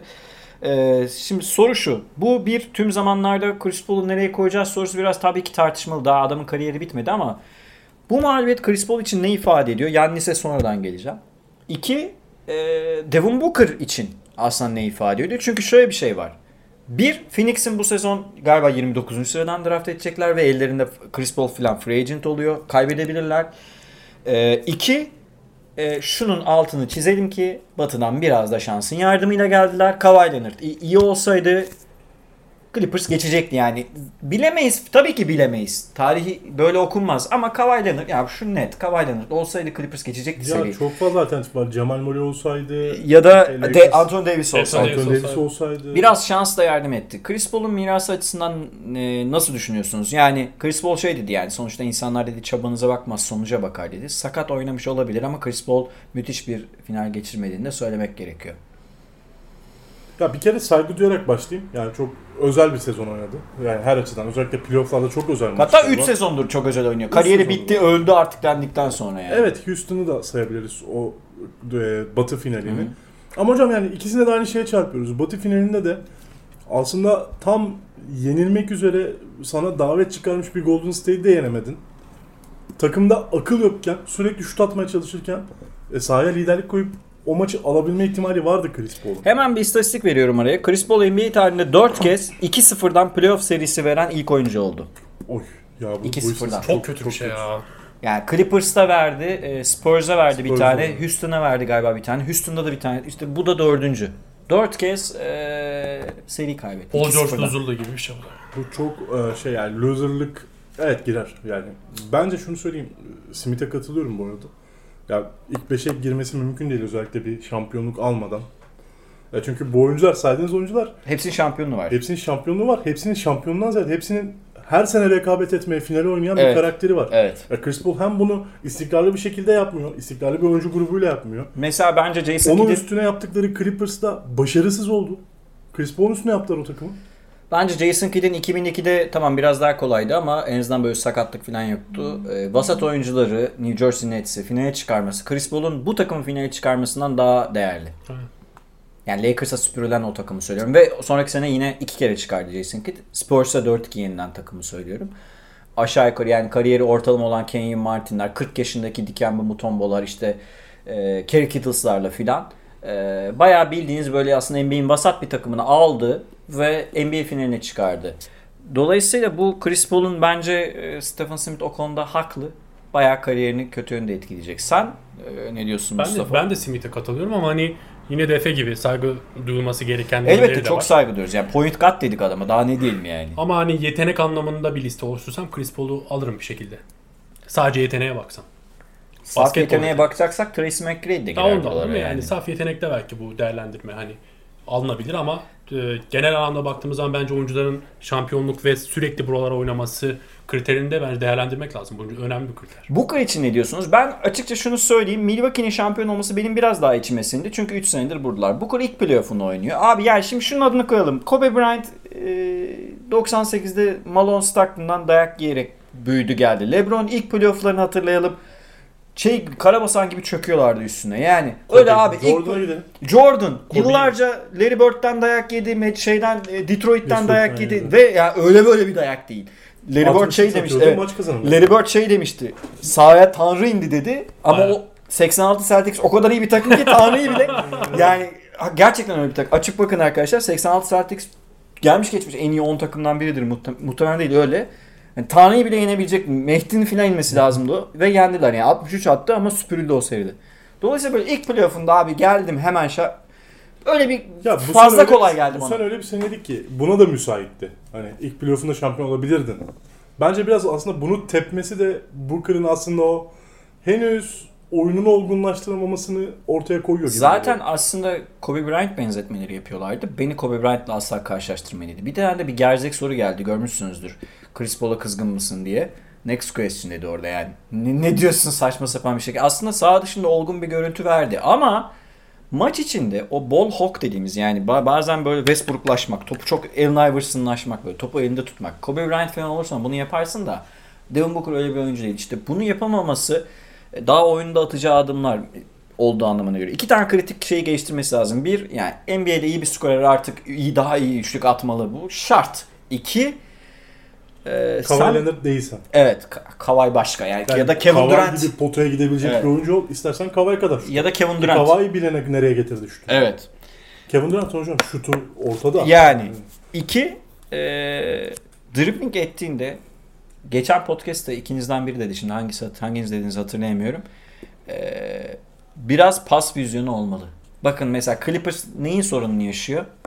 Point guard yok. Kawhi Leonard'dan point guard çıkarmaya çalışıyorlar. Paul George'dan point bunu, çıkarmaya çalışıyorlar ve sorun. Bu yönünü biraz geliştirmesi gerekiyor. Yani sizin tek bir plana dayalı e, orada faal çizgisi ci- civarında stop yapıp fade away ya da işte floater bırakacak ya da işte stoplayıp forvetten şut çıkaracak bir oyuncuyla nereye kadar gidebilirsiniz bundan sonra? Bu da biraz soru işareti. Artık böyle oyuncular NBA'de sadece kritik dakikalar şut atsın diye varlar. Aynen öyle. O da en ciddi şutu yani. yani bu kıra saygısızlık etmeden söylüyorum da hocam o zaman CC Reddick'ten nasıl ayrışıyorsun ki? Yani ve Booker'ın şunu da hatırlatalım. Şut yüzdesi bazen %50, bazen %30. Ya bu da çok istikrarsız. Hatta yapamadığı bir şey daha var. Çizgiye çok az gitti. Aslında sene boyu gidiyordu. Evet. Yani hani hatta playoff'larda gidiyordu. Adını Çizgiye koyalım. çok az gitti. İyi bir slasher değil. Değil. İyi bir, bir yani Westbrook slasher'lığı beklemiyor kimse de yani öyle iyi bir slasher değil. Böyle bitiricilik anlamında potaya gidip e, çok güçlü bırakabilen bir oyuncu değil. Yani genel anlamda gerçekten bir hani otur- Bu arada çok eleştirdik de Booker All-Star bir oyuncu arkadaşlar. Biz sadece eksiklerini söylemek için söyledik. Kendini Niye şampiyon için. olmadı? Evet yani aslında? niye olamadı bu iş? Yani gerçekten Phoenix'e şöyle yani normal sezon dışında şöyle bir bakalım önemli maçlarda falan. Hani şeye e, Bridges'a bir de Crowder'a giden toplar gerçekten böyle çok zor toplar gitti. Ve bazen çok kötü paslar da attılar. Hem Booker hem de Chris Paul Crowder'a hem de Bridges'a çok kötü paslar attı. Ee, Booker evet kendi e, pas verme yeteneğini de geliştirmeli ama sadece bu Booker'la ilgili bir şey değil bence. Aynı zamanda koç da bunu teşvik etmeli. Bunu Ya söylemeli. Aiton üzerinden oynanan ikili oyun dışında eee, ana opsiyon yok. Yani takımı çalıştıracak opsiyonlardan bahsediyorum. Yani Chris Paul ve Booker'ın sayısını kenara bırakıyorum. Aiton'la oynanan ikili oyun dışında takımın bir şeyler daha üretmesi gerekiyor. Yani hücumunuzu çeşitlendirmeniz gerekiyor. Bunu çeşitlendirecek oyuncu da aslında madem böyle bir sistemde oynuyorsun o zaman guardlar. Yani yine Chris Paul ve Devin Booker'a iş düşüyor. Ee, evet yani şampiyon olamadılar ve 6. maçta e, yani şunu söylemek gerekiyor. 7'de 0 atmak herhalde en son J.R. Smith yapmıştı böyle bir Ha, şey. öyle bir şey yok. Ki o üçlüklerin çoğu da boştu. Ya da bunu yapabilme hakkına sahip olmak için Connington olman lazım. Ben onu söylemeye çalışıyorum. Hmm. Yani Connington zaten atamadı. Hı hı. Son maç o da 7-0 falan çok emin O da değilim atamadı. ama ama genel yüzdesi iyi. Hocam 8 rebound 2 top çalma falan yani zaten adamdan beklenen oyunculuk profilinden beklenen bu. Onun 7-0 atması Milwaukee eksi yazmıyor ama Booker'ın 7-0 atması Çok eksi yazıyor. yani e, diğer oyuncuların hakkına girerek atıyor çünkü. Ki Booker'ın oyunu da o dediğim gibi mesela 40 attığı maç bence e, Phoenix istediği oyunu oynamadı. Maçı getirdi belki Booker ama oyun üstünlüğü Milwaukee'deydi. Başkası atmasın diye Booker var hocam. Evet. Connington'ın değil başkaları atsın diye Connington var. Biraz öyle bir ayrım. var. Güzel bir ayrım. Çok Çok, güzel bir ayrım. Bu ayrımı beğendim. Ee, diğer konuya geçelim. Benim yine konuşmak istediğim diğer soru. Yani bir açıklama yaptım. Ya bunu tekrar söyleyeyim. Yani Yannis hem dominantlık anlamında hem işte e, genel ortalamalar anlamında seriyi kapatan maçta 50 atmasıyla falan çok özel bir final istatistiği yarattı. Ne Zeus ne Perseus Ve- dedik ya. Asıl tanrı bu Deus ya. Perseus. Ee, ben hani süper takıma gidebilirdim. Ama burada kalmayı ve zor yoldan yapmayı başardım dedi. Ee, burada arkadaşlar şampiyon her zaman haklıdır da ben bunu tarihe not olarak her konuda her zaman eleştiri getiren, kendini de eleştiren bir insan olarak bunu söylemem lazım. Gerçekten zor muydu? Bunu bir konuşalım. Hocam söylediği şeyi şimdi nasıl algıladığımızla ilgili. Eğer şeyden Ya bahsediyorsa... Kyrie Irving ve James Harden'ın sakatlığını olmamış gibi mi düşüneceğiz? Hayır ben söylediğinden biraz şeyi çıkardım. Ee, Milwaukee'de kalmayı ve uzun yıllardır Milwaukee'de bu challenge'ı yaşamayı. Ben de biraz öyle çıkardım. Ama buna benim yine bir karşı şeyim var. Evet o yine kadar bir- zor muydu? Hayır yani hem yol olarak zor muydu bir de ikinci şeyim var. Şimdi süperstarların ilk yıllarına bakalım böyle 28'e gelmeden önceki yani gençlik yıllarına işte LeBron, Kobe Bryant, Michael Jordan. Kobe'nin şöyle bir şansı vardı. Shaquille O'Neal'la hazır kadro nispeten yani hazır olmak üzere ama Jordan ve LeBron'a bakalım mesela. Şöyle bir şey vardı ellerinde. Onlara göre bir takım yoktu. Onların taşıdığı bir takım vardı. Yannis 3 sezondur kendisi için bu bu şeydir. Bu Yannis'e eksi falan yazmaz. Ama iyi Deneme bir, yanılmayla Antenos'u daha iyi oynatırız Ha, takımları. ama kurulur. iyi bir ortamda olduğunu gösterir. Kendisi için en uygun sistemde oynuyor Yannis. En iyi oyuncularla demiyorum. En uygun sistemde oynuyor. Yani 4 tane şutör, tepede baskılı bir savunmacı. Middleton'ın zamanla büyüyen oyunu. Yani alfa karakter değil falan dedik ama Middleton alfa Uzunların karakter. şut atması daha Uzun, keyifli. Brook Lopez niye bu takımda? Yani Antetokounmpo şut atamadığı için Brook Lopez bu takımda. Tepeden o şutu gönder. PJ Tucker niye var? Yannis'in işte be- belli başlı şeylerini rahat atsın diye var. Yani Yannis'e uygun bir yapı kuruldu da e, Yannis oyununu çok çalışkan bir oyuncu. Çok hırslı bir oyuncu biliyoruz ama onun da nispeten mesela LeBron 26 yaşında, Michael Jordan 26 yaşında böyle bir e, ortama, iklime sahip değildi. Bunu anlatmak istiyorum. O yüzden mesela zor muydu? Bu da mesela benim karşıt ikinci, ikinci argümanım. Hocam bu konuda sana katılıyorum ama Yanis bence başkaları üzerinden yeteneğini daha fazla çıkarabilen bir oyuncu. Yani tek başına zaten bu işi bence hiçbir zaman yapamayacaktı yani. Başkaları üzerinde Çünkü bir oyun etraf- kurucu değil evet, yani. yani etrafındaki oyuncuların Yanis'e göre seçilmesiyle birlikte Yanis'in yeteneği daha fazla maksimum seviyeye çıktığından Bu dolayı bu normaldi bence. Bu cümleyi bu sene özelinde kurduğunu düşünmediğim için ben Yanis'i o kadar haksız bulmuyorum. Şey açısından yani şey... Ya biz en dipten geldik. 15 Kafası- galibiyetliydik. Evet yani oradan birazcık alıyor bir de kendi challenge'ından alıyor işte kendi büyümesi ve takımın aynı anda büyümesi. Tabii canım yani işte ailesi Karar verme sokakta- süreci de zordu. Onu da katıyor. Yok ilk tweetleri düştü ya yani işte sokaklarda şey yaptıktan sonra çok yoksulluk çektikten sonra Yunanistan'da işte bir koç onu buluyor filan. Alıyor sonra NBA draft oluyor işte hayatımda ilk kez smoothie içtim falan diye böyle tweetleri God bless Amerika falan diye tweetleri var. Çok şey yani böyle yoksulluktan gelen bir çocuk. Bunlar çok özel şeyler de yani bunu da Şöyle bir ayrım yapıyor hocam bence. Kobe için mesela kendi takımıyla draft olduğu takımla şampiyon olma ayrımı yapmış bence kafada. anladım. Ya şimdi bence biraz LeBron'a gönderme var. Bence biraz işte gol Durant'e gönderme var. Ee, Oklahoma'yla olamadı mesela. Cleveland'da ilk senesinde Evet. olamadı. Hani biraz oralara gönderme var. Kalsay kalıp, kalıp olmakla ilgili. Ama tabii orada şey devreye giriyor. Yani Kobe şimdi- hazır takımdaydı. Stephen Curry e, mesela kendi takımıyla oldu ama çok uzun bir süreçte ve çok ciddi paralar harcadıktan sonra ve çok ciddi bir sistem oturduktan sonra oldu. Hani bence böyle bir ayrım yapmış kafasında ve orayı zor yol diye bellemiş. Zor yolu o yüzden. Hocayı alevlendirdin ama şu an Lebron'a laf olarak. Ben LeBron'a laf Ben- etmiyorum. de biliyorum da hoca şu an ben, ben şunu söylemek istiyorum. Mesela Michael Jordan'ın başarısı Scottie Pippen'dan sonra geldi.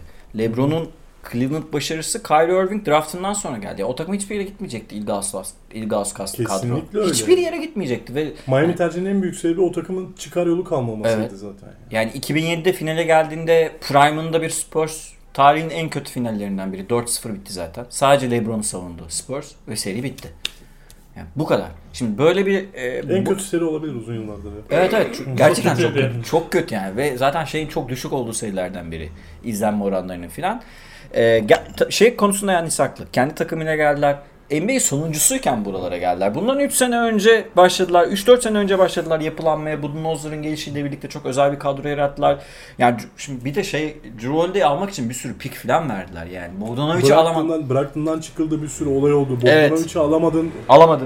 aldın alamadın. Yani hani bir sürü saçma sapan iş de geldi bu takımın başına. Ee, ama şunu da son olarak söyleyeyim çünkü bu önemli.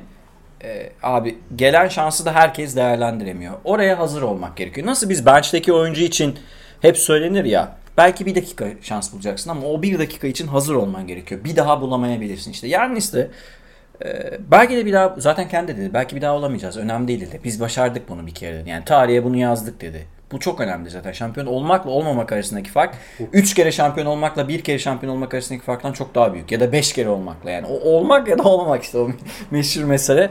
Ee, o şansı değerlendirdi. Bu çok kıymetli olduğunu kabul ediyorum. Sadece bu şerhi düşmek istedim ben. Ya bunu her, her hepimiz biliyoruz ki Brooklyn Nets çok kötü bir savunma takımı olmasına rağmen Harden, Kyrie ve Kevin Durant'in sağlıklı olduğu bir durumda Milwaukee Bucks'ın pek şansı yoktu. Ama bu da tarihte şunu gösterdi ki bize bu üçünün aynı anda sağlıklı olma olasılığı da çok düşük. Çok düşük yani. Yani bu da bir gerçeklik. Bir de biz o sezon başında değerlendirme yaparken de Blake Griffin'in bu kadar iyi Yanis'i savunacağını da falan hiç bilmiyorduk. Çünkü zaten transfer etmemişlerdi daha. Evet. O da Yani- birazcık ekstra oldu. Blake evet. Griffin çünkü çok iyi savundu Yanis'i. Birkaç maç birkaç maç savunamadı ama hani sağlam dönselerdi büyük ihtimalle Milwaukee o seriyi geçemeyecekti. Peki e, konuşulan konulardan diğerine gelmek istiyorum. NBA'in bu e, tayfanın konuştuğu en meşhur konulardan biri. Tüm zamanlar power forward'ler sıralamasında yani Evet. Antetokounmpo bu şampiyonluğu ve tabii diğer başarıları işte MVP'si, de-. Defensive Player of the Year olması, e, All Star'lığı filan. Aynı zamanda hatta yani şey konusunda tek. Hem en çok gelişme kaydeden oyuncu, hem MVP, hem yılın savunmacısı, hem final MVP'si olan tek oyuncu. Yani en çok gelişme kaydeden oyuncu Jordan'da filan olmadığı için. Hocam şu dünyanın en zevkli işlerinden biri Yanis'in eski videolarını izlemek. Baya kahkaha atıyorsun yani. Baya çocukken ne oldu yani? Şimdi Tim Duncan'ı herhalde hesaba katmıyoruz burada tartışmaya sanırım. Yani Tim Dun- yani bu benim Spurs'lülüğümden mi yoksa kabul ediyor musunuz? Kabul canım. Tim Duncan e, tüm zamanlar all time power forward listesinde birincidir. Bu konu tartışmaya kapalıdır konusunda Efe bana gülüyor şu an ama kapalıdır. kapalıdır. Peki. Diğer oyunculara gelelim. Biz bu konuyu bir ara galiba tartışmıştık. Şimdi sıralamayı unuttum ama arada fikrim Ama değişiyor. sayabiliriz işte. Ya. Yani mesela bazı oyuncuları söyleyeyim ben. Dirk Nowitzki, Karl Malone, Kevin Garnett, Charles Barkley, Kevin McHale, Bob Pettit, Anthony Davis, Elvin Hayes. Buralarda nerededir? Yani Yannis mesela Statmus falan şeye çıkardı. 2 2 numaradır şu an Yannis dedi. Ha. Ben e, o kadar emin değilim. Hemen nedenini de söyleyeceğim. Bir, kariyerinde 30 bin sayıyı geçmiş. E, Lebron'un 2016'sından sonra benim gördüğüm en zor şampiyonluğu almış. Dirk Nowitzki. Bence hala şu an Yannis'in önünde. Kevin Garnett tartışılabilir. Malone tartışılabilir. Yani bence iki numara yazmak için biraz hızlı davranıyoruz. Yannis'in daha önünde çok yol var bu arada. Yannis gelişmeye devam edecek de siz nerede görüyorsunuz? Yani herhalde ilk 5 falan kabul edilebilir, tartışılabilir ama mesela kafadan iki numaraya yazıldı. Çünkü şu an e, yani NBA'de her şey o kadar çok çabuk tüketildiği için yeni gelen başarıları hemen tarihin en iyisi. Mesela bu gençlerde de var biraz. Bu e, eleştiri anlamında söylemiyorum. Ge- geçmişle ilgili biraz eksik bilgiyle olabilir. Şu var mesela. Bir film izliyorlar gelmiş geçmiş en iyi film. Ya evet öyle bir, Bir, bir şarkı dinliyorlar gelmiş geçmiş en iyi şarkı. Abi kaç şarkı dinledin? Yani kaç tane film izledin? Hani hemen fanlık hisleri genelleme aslında. işte yani ne diyelim e, şey Bonucci tarihin en iyi savunma oyuncusu falan. Mesela böyle şeyler çıkıyor. Bir, bir performans izliyorsun ve hemen en iyisi. O yüzden biraz ihtiyatlı davranmakta fark, e, fayda var. Siz ne diyorsunuz? Yani ben Kevin Garnett'i şu an önde görüyorum yani. Hemen değil. Bence şu an ya 5 tam 5 deriz 4 deriz ama bence biraz daha zamanı var. Nowitzki ve. Garnett'i mi görüyorsun önde? Ben önde görüyorum. Ben uncalculate durumundayım. Yani hesaplanamayacağını düşünüyorum şu an. Yani Anthony'nin kariyer Sıralamasız sonunda- bir ilk beşe mi alıyorsun? Sıralamasız bir ilk beşe alabilirim. 5 dersin ama 4 dersin. Ya ilk 5'e alınabilir tabii ya. Ama düşününce şimdi hocam yani Malon'u düşünüyorum. Yani Jordan'a karşı normal sezon MVP kazanan bir oyuncu. Hani finallerde başarısı olmasa bile yani özel bir oyuncu. No, Malone. Ya Dirk Ki Nowitzki ben Malone'u Dirk eleştirmişim. Nowitzki benim ben de eleştiriyorum ama Dirk Nowitzki zaten benim NBA tarihinde belki çok çok üstlere yazdığım bir oyuncu. 4 numara sıralamasında Antetokounmpo'nun onu geçmesi şu an bence söz konusu değil. Aynı fikirdeyim. Bence de. Ya Tim Duncan'ı zaten konu kapalı. Tim Duncan daha ne yapsın? Ee, Kevin Garnett de bakın ya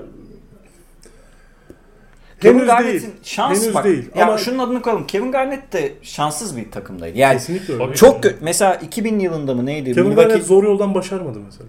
Ama yapam Yapamadı yani. yani. Şimdi şöyle bir şey var. Şimdi bak, ben Kevin bunu Garnett'i- söylüyor işte. Evet evet. Şimdi bak ben bunu ama bir dakika burada bunu bir netleştirelim. Ben Kevin Garnett, Tim Duncan'la işte Kevin Garnett bu arada biraz pislik bir karakter. Maç içinde çok pis konuşur. Tim Duncan'a annesi üzerinden küfür eden bir adam yani. Trash talk'un da bokunu çıkaran bir herif. Ama şunun hakkını verelim. Minnesota rezalet yönetilen bir takım. Bakın rezalet. 2000 yılında bir oyuncuya dışarıdan adını unuttum oyuncunun. Dışarıdan para verirsen uf, şeye düşüye imzala diye hile yaptılar ve 4 senemine pikleri alındı ellerinden 2 sene. Yani Kevin Garnett o takımda bir tane konferans finali var. Sam Cassell'in artık 50 yaşına geldiği kadroda. Şimdi eee, her şey oyuncuyla ilgili bir şey değil. Aslında eee, organizasyon başarısını biz biraz hafife alıyoruz. Milwaukee başarılı bir organizasyon. Yani Yannis'in etrafına doğru bir ve koç olarak da bence doğru bir koç. Doğru seçtiler. koç bence. Minnesota, çok eleştiriliyordu. Budenholzer da e, artık şey yaptı o eşiği geçmiş oldu yani. Minnesota Bayağı mutluydu bu Bunu arada. yapamadı. Kolay yoldan yapamadı derken Minnesota'nın önü tıkalıydı. O takım hiçbir yere gitmeyecekti. Boston'a gitmesi çok normal yani. Benim anlatmak istediğim şey bu Abi zaten. Bence de normal. Bence LeBron'un Miami'ye gitmesi de çok normaldi hocam. Yani o yüzden ya ben sadece Antetokounmpo'nun söyleminin bunlara karşı olduğunu düşünüyorum. Peki eee Şeyi söyleyeyim ben de böyle hani sıralamasız ilk 5'e alıyorum ama ya henüz yani şu an Kevin Garnett, Kevin Garnett'ten daha iyi bir oyuncu daha üstte yazabilir miyim? Ya bir şeye saygısızlık olur biraz hani tarih ölçeğine saygısızlık olur kafamdaki. anything is possible. Ama yani olabilir tabii ki. Duncan üzerinde de bitirebilir. Bitiremez mi? Üstüne Bence 3 şampiyonluk katsa Bence Duncan bitirebilir. üzerinde yazmayacak mıyız şimdi? hayır yazmayacağız. Duncan'ın 5 tane var. Tamam da hocam Duncan'ın 5 tane var. Spurs'un zaten o ara ne kadar egemenlik kurduğu belli. Şu NBA şartlarında Milwaukee'li 3 şampiyonluk alsa Antetokounmpo Duncan üstüne yazmaz mıyız yani? Ve 26 yaşında şu an. 26 yaşında. Düşünmem lazım. Yani eee, şey aklıma geldi. Eee Jerry Krause demişti yani şampiyon organizasyonlar kazanır. Jordan onu gömmüştü. O kadar da haksız değil Jerry Krause. Şampiyon organizasyonlar kazanıyor. Yani. Yannis'in etrafına bugün Eric Bledsoe kalsaydı Geçmiş olsun. Hadi oynasın. Senin bir sorun vardı neydi ya? Eric Bledsoe değil de e. Drew Holiday'e Brogdon olsa ne olur mu Aa evet yani Holiday'i yerine bıraktın olsaydı ne olurdu diye bir merak Ya daha ettim. önceki tecrübelerden olmadığını gördük ama ya bu sene başı herhalde Ama herkes Brogdon çok iyi- Brogdon niye gitti dedi. Çok iyi bir sezon Evet. Brogdon. Ama Brogdon'un da birazcık zor zamanlarda güvenilebilir bir oyuncu olmadığını düşünmeye başladım ben. Öyle mi diyorsun? Sakatlık problemi çok fazla var. Çok sakatlanıyor yani. Hani ben bir şansı var düştü diye. Ve Holiday biraz daha oyunu çeşitlendirdi. Hocam şimdi Holiday'in de yani iki kartı var. Hem şeyi çekiyorsunuz tamam Brogdon kadar sav- hücumu yönetebilen. Bu arada Brogdon kadar hücum yönettiğini düşünmüyorum. Yönetebilen bir oyuncu değil diyecektim. Evet, evet. Sebebi de ama şu var. Milwaukee zaten bu sene ne kadar Brogdon'un oyununa ihtiyaç duyacaktı. Hmm. Doğru diyor. Aslında Holiday'in oyuna girme sebebi de biraz Zaten oydu. Middleton bu görevi paylaşıyor. Başka bir şey oynadılar yani Antetokounmpo tepesinde yani topun başka merkezlerden dağıtıldı. Point guard'ın elinde topun 15 saniye kaldığı bir takım olamaz ki bu. İşte o yüzden Middleton Booker'dan daha iyi bir final serisi geçirdi. Bence de. O yan vazifeyi doğru uyguladığı Doğru için. yaptı. Booker yapamadı onu. Ki Middleton pas özelliğini de kullanan bir oyuncu. Booker'da eksik Evet. olan nokta. Evet. Ee, peki all time power forward sıralamasının ben e, devam edeceğini düşünüyorum bu tartışma. De. Çünkü Yannis gelişmeye devam edecek. Ee, şampiyonluk alabilir. Belli olmaz. Ee, çok kolay olmayacak. Çünkü şampiyon olmak için bir sürü şey verdiler. Gelecek sezon hamle yapacak çok alanları yok aslında. Sattılar geleceklerini sattılar. Ya ama yapılır. Clippers de Aldılar yaptı. ya. Şampiyon oldular. Yani mesela. şampiyon olmak için Toronto da yaptı bunu. Yaptı. Yani bir şampiyonluk için gerekirse 10 yılı satabilirsin yani. Bir, böyle çok zor çünkü. Son NBA'de. 3 yılda bir Toronto bir Milwaukee şampiyonluğu var yani. Hani Evet. garip geliyor ama Batı'nın egemenliği nasıl bitecek diye 5 sene önce ağlıyorduk burada. Peki bu şeyi söyleyelim. Ee, Toronto mu 2019 Toronto mu daha güzel bir hikaye 2021 Milwaukee mi? Şimdi aklıma geldi bu soru. Bu, bu hocam zor soru ya. Bu ya, öznel bir soru olduğunu düşünüyorum. Ben ee, Sempatik geleni seçersin. tamam ben şöyle söyleyeyim. Siz Milwaukee diyeceksiniz. Ben Kava'yı hayır Milwaukee demeyeceğim. ben Toronto Toronto diyeceğim. diyeceğim. Toronto değil. Kava'yı Kava'yı e, biraz sevmeme nedenlerimi biliyorsunuz. Çok büyük saygı duyuyorum da Kava'ya. Çok inanılmaz bir oyuncu. Ha bir sorum daha şimdi aklıma geldi. 2019 Toronto'yu nedense herhalde Nick Nurse'ün özel maç içi o e, şeylere falan yaptığı İşte o Avrupa savunmaları falan. Bir şey. Biraz daha böyle Avrupalı koçu gibi çalıştığı için biraz Nick Nurse'den dolayı ben Budenholzer'ı da seviyorum da biraz Nick Nurse'den dolayı ben o seriyi sanki Toronto serisi daha güzeldi. Bir de Lavre'nin şampiyon olmasını Evet. istiyordum ya. Ve bir de Toronto sanki daha çok böyle hatırlanacak gibi yani. Ya şöyle diyelim o takımı düşünün. Burada bu arada Milwaukee şampiyonluk beklentisi olan bir takımdı 3 senedir. Doğru Evet. da doğru. Yani şampiyonluk beklentisi. Toronto şampiyonluk beklentisi oralara yazılan ama şampiyon olur mu zannetmiyorum diyeceğim. Ya. DeRozan'la bu iş olmaz abi. Olmaz. Hani oralardan gelip işte Fanfleet'i, Siakam'ı çıkarıp üstüne kava eklemesiyle kavayı bir sene ekleyip yani çok belli. Kiralık. Kiralık kava oynattılar. Ama hani Lavri bence Fanflet Siakam hani Antetokounmpo zaten Antetokounmpo ama Fanflet Siakam Fanflet Siakam oldular orada Hı ya. Yoktu böyle oyuncular ya. Yani o sezon Ekle Middleton yani. Cirolde'ydi. Middleton Cirolde. Yani Evet. evet. ve Siakam'ın e, ön plana çıkması bence daha Ki ayrıca işte- hikayesi olan bir nokta. Sen Milwaukee mi diyorsun? Ben sen, ben Toronto'ya yakınım ama sen zaten Toronto'yu seviyorsun. ben biraz sempatik gelen dedim ya. Ben sempatik geleni seçerim. Bence Toronto daha sempatik geldi bana ama Milwaukee'nin şampiyon şampiyonluğu yabana atılacak Yok düzeyde bu, değil bunun yani. hikayesi muhtemelen daha güzel. Bence bu zaten 21. yüzyılın en garip finaliydi zaten. Hani Tabii şey canım. olarak, isim olarak da öyle.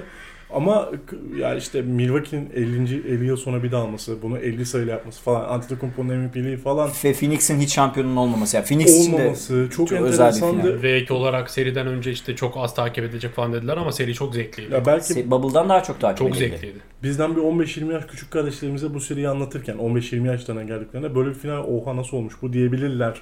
O derece bir- o sezon sakatlıklar var diye anlatacağız belki yani.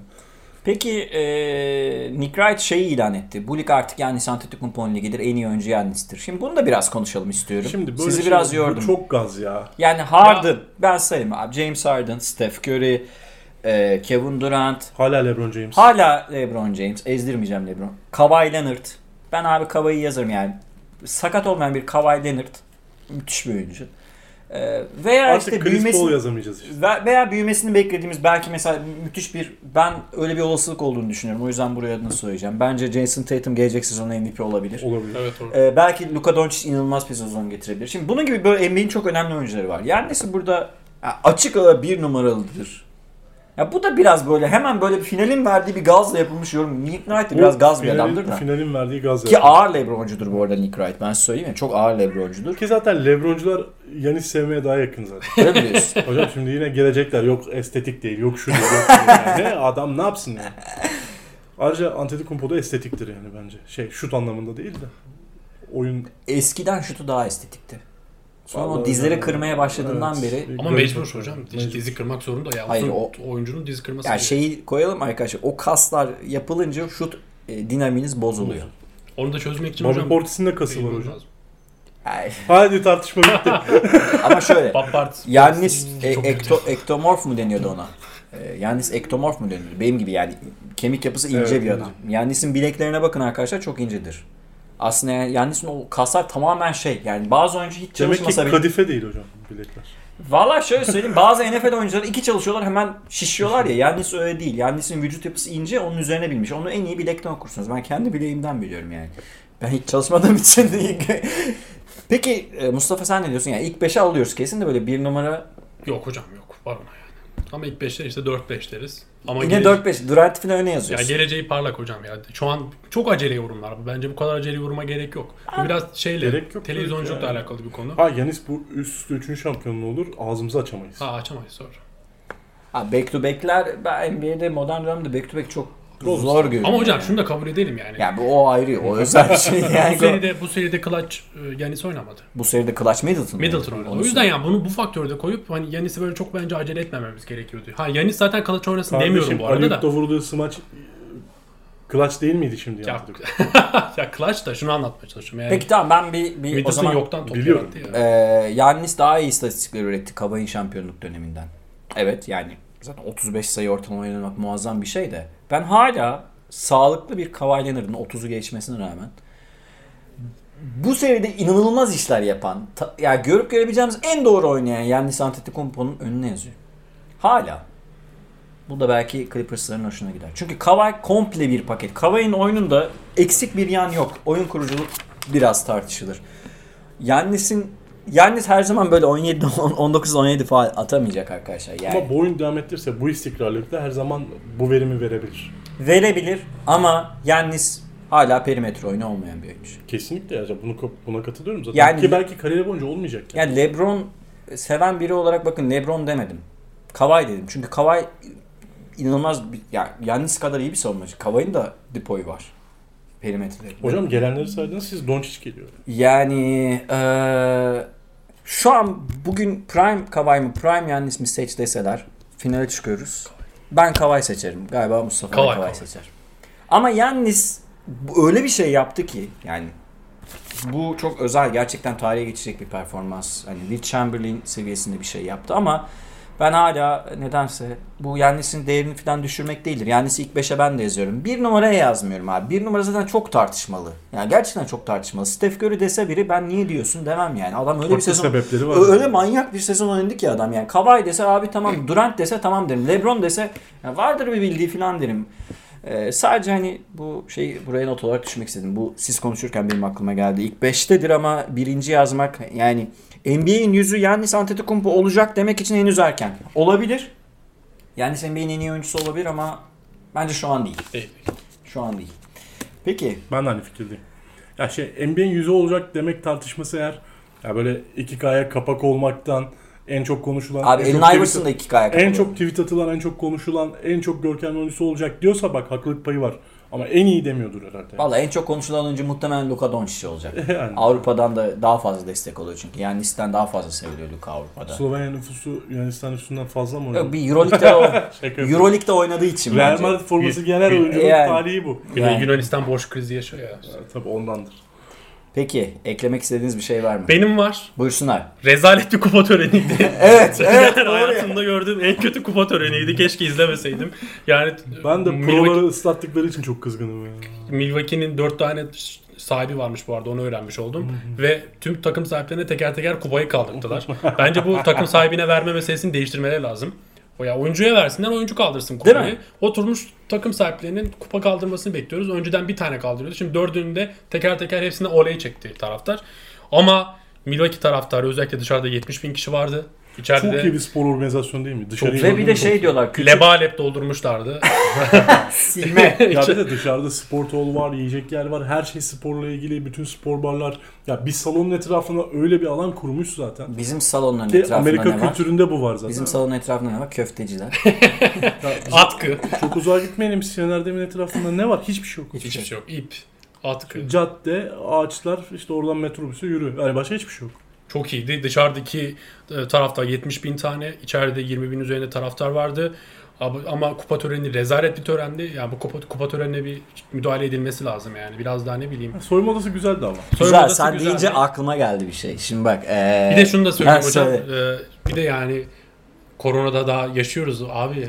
Hiç kimsede maske yoktu. Salonun içerisinde girdiklerinde hiçbirinde maske yoktu. Biraz daha belki o konuya dikkat edilebilirdi. Milwaukee'den bir haber duyabiliriz Amerika'da hani. bitmiş. Bit- ya bitmiş de ya ona bir, bir de biraz önlem alınabilirdi. Bence taraftar içeri şeye salon içerisine alınmamalıydı. Bence de. Yani orada bir seremoni kurulmalıydı. Biraz daha üstte bir ser- seremoni kurulmalıydı ve kupayı oyuncular kaldırmalıydı. Valla Eylül'de dördüncü dalga olursa, okullar açılmazsa ben artık yani e, tükendiğimi söyleyebileceğim. Neyse şeye geleyim. Ama yalnız bir şey de hocam Amerika nasıl ilerledi görüyorsun yani. Bir sene önce Bubble'dan bahsediyorduk. Tabii. Bir sene önceki kupa töreninde. Ama bak bir aşılama bayağı iyi Şimdi durumda. kupa işte çok önemli bir şey Yüzdesi bu yani. çok. Bunu kabul etmek lazım. Herkes aşı olsun. Buradan da arkadaşlar lütfen aşı olun. Yani merak etmeyin kimse Bu çip arada takıp randevu izlemiyor bizi. almanıza bile gerek yok artık. 6 kişi doldurup gidebiliyorsunuz yani. O ne çipi lan? Zaten herkese çip takmanın şey. Hocam öyle demeyin. Bunun maliyetine değer mi gerçekten? Hocam çipe inananlar %20, %25 civarında şu an. O yüzden 25. Tabii yüksek. Dikkat Peki. etmek lazım yani. e, Biraz attım 25 değil de. şey gibi. Yeniz şu an en iyi topçu gibi oldu. Valla so- sorgulamakla... Ama açık karşılıklı 25'miş. %25 %30'muş. Sorgulamakla komplo teorisyenliğini bir ayırmak gerekiyor. Bir şeyi sorgularsınız ama sorgularken kaynaklara yönelirsiniz. Komplo teorisyenliği Facebook'ta dayım şöyle dedi filan diye. Öyle olmuyor. Neyse şeye geleyim. Bu sen şey dedin ya hani takım sahiplerine veriyorlar. Bu NFL'de de var. Ve NFL'in e, şey Tom Brady geçen sezon kupayı alırken e, bir yukarıda bir şeye çıktı. Başkan aldı sonra Tom Brady tek başına kaptan olarak şey, bütün takım aşağıda bekliyor. Şimdi çok kötü bir görüntü. Başkan orada yani o oyuncular başarmış yani inanılmaz adrenalinle ver oyunculara ne? Hocam? Euroleague bunu beceriyor işte. Euroleague gibi yapsınlar yani. Herkes beceriyor. Avrupa kültürü zaten Avrupa kültürü kaldırır. beceriyor bunu yani. Ama Amerika'da money talks var biraz hani. Abi ek olarak Şöyle takım sahipliği Amerika'da Avrupa'dakinden biraz farklı. Bunu hep söylüyorum. Galatasaray'ın takım sahibi kim? Fenerbahçe'nin kim? Beşiktaş'ın kim? Kim Beşiktaş'ın sahibi? Biliyor musun Efe? Başkanı var bir tek. O Sahibi başkan. bilmem ben. Sahibi? halk falan. Halka arz edilmiş Hayır o şeyin var. hisseler kimdeyse ya da işte dernek mi? Hocam sahipleri bulmam mümkün değil. Yani yönetim kurulu Ama işte. Amerika'da takımların sahipleri var işte. Bu biraz farklı bir uygulama. Yani Amerika'daki takımlarla Avrupa'daki takımları ayıran unsurlardan biri bu. Diğeri de şey, asıl NFL ile ilgili şey aklıma. Aaron Rodgers biliyorsunuz arkadaşlar Green Bay Packers'ın meşhur quarterback'i. Gelmiş geçmiş en büyük quarterback'lerden biri. E, Milwaukee Bucks'ta şey varmış. Küçük bir hissesi varmış. NBA şampiyonu oldu ama Green Bay'i Kupayı bırakıyor. kaldıramadı mı? Green Bay'i bırakıyor. Hocam bir de ek olarak O bölgenin takımı bu arada. Green Bay Green aynı Bay bölgenin Milwaukee. takımı. Hocam bir de ek olarak yani kupa töreninde oyuncular bu kadar çok konuşturulmamalı. Tam yani Yanis'ten röportaj al, Middleton al ama sonra işte Jrolde röportaj verdi. Diakite Bobby niye konuşmadı? Portis geldi falan. Yani insanlar orada bir tören bekliyor. Biz orada konuşma dinliyoruz. Kupa sahiplerinin elinde kupa şey takım sahiplerinin elinde. Yani biraz Ama kötü bir NBA'de bu görüntüydü yani. hiçbir zaman yürütülmedi. Bana Ya yürütülsün artık. Valla logo işini de en başta konuşuyordum ben şu logolar şeydeki sağdaki değilsin diye de bu NBA YouTube TV ortaklığı Şey devam ettiği sürece ama Milwaukee soyunma odasında şampanyalar getirdiğinde ve prolar Antetokounmpo proyu da attı bir. Bütün takıma. Yani bayağı elinde çikolata dağıtır gibi pro da attı. ya. Sonra da böyle Nike gözlükleri geldi. Ha, o çok iyi gördüm. bir uygulama bu arada. Şampanyalardan bir şey olmasın diye. Güzel. en azından şampanya içilebiliyor değil mi? Gazoz değil. Yok. Şampanya da hocam. Büyüktü bir de. Yani değil mi? Canı da Şeyde, çekiyor insanın. şampiyonlukta şampanya içilir değil mi? Yine Uzun bir sessizlikten sonra. O zaman hadi ufaktan Dur bakalım. kapatalım hocam. tamam kapatalım. Tekrar soruyorum. Başka bir sözü olan. Yok çok güzel podcast'i. Hocam ağzınıza sağlık. Mustafa ağzına sağlık. Senin de ağzına sağlık Efe hocam ağzına sağlık. Çok teşekkür ederiz arkadaşlar. Ee, bizi dinlediğiniz için. 2021 sezonu Dip Çizgi NBA podcastları da bitti. Belki draft filan Draft, ha, Draft var. filan belki konuşuruz. Yani vaktimiz kalırsa arkadaşlar biz biz hala çalışıyoruz. Orçun Bey gibi tatile çıkamadık. Belki olimpiyat konuşuruz. Sözünü vermiyorum. Aa, bir saniye olimpiyat. Bilgisayardan çıktı getiriyor. Sözünü falan. vermiyorum. NBA Yine sezonu anlamında. Yine aynı şekilde işte e, yani konularımız var aslında şey var. Fenerbahçe'den Kokoşkov giderse belki onu konuşuruz ama bunların hiçbirinin sözünü veremiyorum ama biz devam edeceğiz. Yani Evet. sadece neyi ne sırayla yapabileceğimizi henüz Hedef bilmiyorum. 300. Hedef 300. Hedef 2071 yılı. Peki çok teşekkür ediyorum katıldığınız için bana. Elinize, aklınıza, ağzınıza sağlık.